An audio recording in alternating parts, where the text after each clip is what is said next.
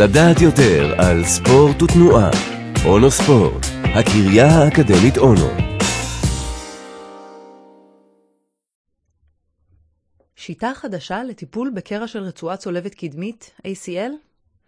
קרע ברצועה הצולבת הקדמית, ACL, היא לא הפציעה הכי נפוצה בעולם הספורט, אבל זו הפציעה שמשביתה ספורטאים לזמן הארוך ביותר.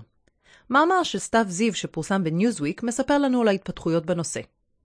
הרצועה נמצאת במפרק הברך, ומחברת בין עצם הירך לעצם השוק. התפקיד שלה חשוב מאוד ליציבות המפרק, בעיקר בתנועות סיבוביות של שינוי כיוון. זאת הסיבה שהספורטאים שסובלים בעיקר מקרע של הרצועה הם כדורגלנים, כדורסלנים, מתעמלים וכל ענפי הספורט שדורשים כוח מתפרץ ושינוי כיוון מהיר.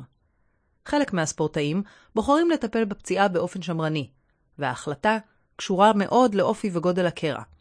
אבל הדרך הנפוצה ביותר היום לטיפול בקרע כזה היא ניתוח. הדעה הרווחת בעולם רפואת הספורט היא שלרצועה הזאת אין יכולת ריפוי עצמי, וחייבים למצוא לה תחליף אם הספורטאי רוצה לחזור לפעילות ברמה גבוהה. בניתוח מחליפים את הרצועה ברקמה אחרת של הגוף, בדרך כלל אחד מגידי שריר הירך האחורי, ה hamstring, או בגיד הפיקה, patellar tendon. לניתוח שלוש בעיות מרכזיות 1. אחוז הפציעות החוזרות עדיין גבוה מאוד. 2. זמן שיקום ארוך מאוד. 3.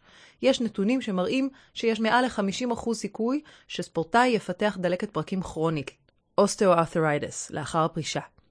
מנתחת אמריקאית סירבה לקבל את הנתונים האלה והמציאה שיטה חדשה לריפוי הרצועה שמשתמשת בגורמי ריפוי טבעיים של הגוף. הטכניקה שלה מחולקת לשני שלבים. דבר ראשון, מתקנים את מנח המפרק ומעמידים את עצם הירך מול עצם השוק בצורה נכונה. לאחר מכן לוקחים את שאריות הרצועה הקיימות ומחברים אותן לספוגית מיוחדת שמכילה את הדם של המטופל עצמו. הספוגית מעודדת תהליכי ריפוי טבעיים של הגוף. זו לא הפעם הראשונה שמשתמשים בדם של המטופל לריפוי של רקמה, והיום נפוץ מאוד להשתמש בהליך הזה לפציעות גידים, סחוס ועוד. עד היום, השיטה נוסתה רק על עשרה מטופלים, אבל התקווה היא שהרצועה תוכל להיאחז בחזרה בעצם באופן טבעי, ולא בצורה מלאכותית כמו בניתוח. לפי ממציאת השיטה יעברו עוד כחמש שנים עד שאפשר יהיה לראות תוצאות ברורות, אבל כבר אפשר לראות רמזים לתוצאות טובות בבדיקות MRI של המטופלים הראשונים. מה שבטוח הוא שאם התוצאות יהיו חיוביות, זאת תהיה תגלית מרעישה ומהפכה של ממש בעולם רפואת הספורט.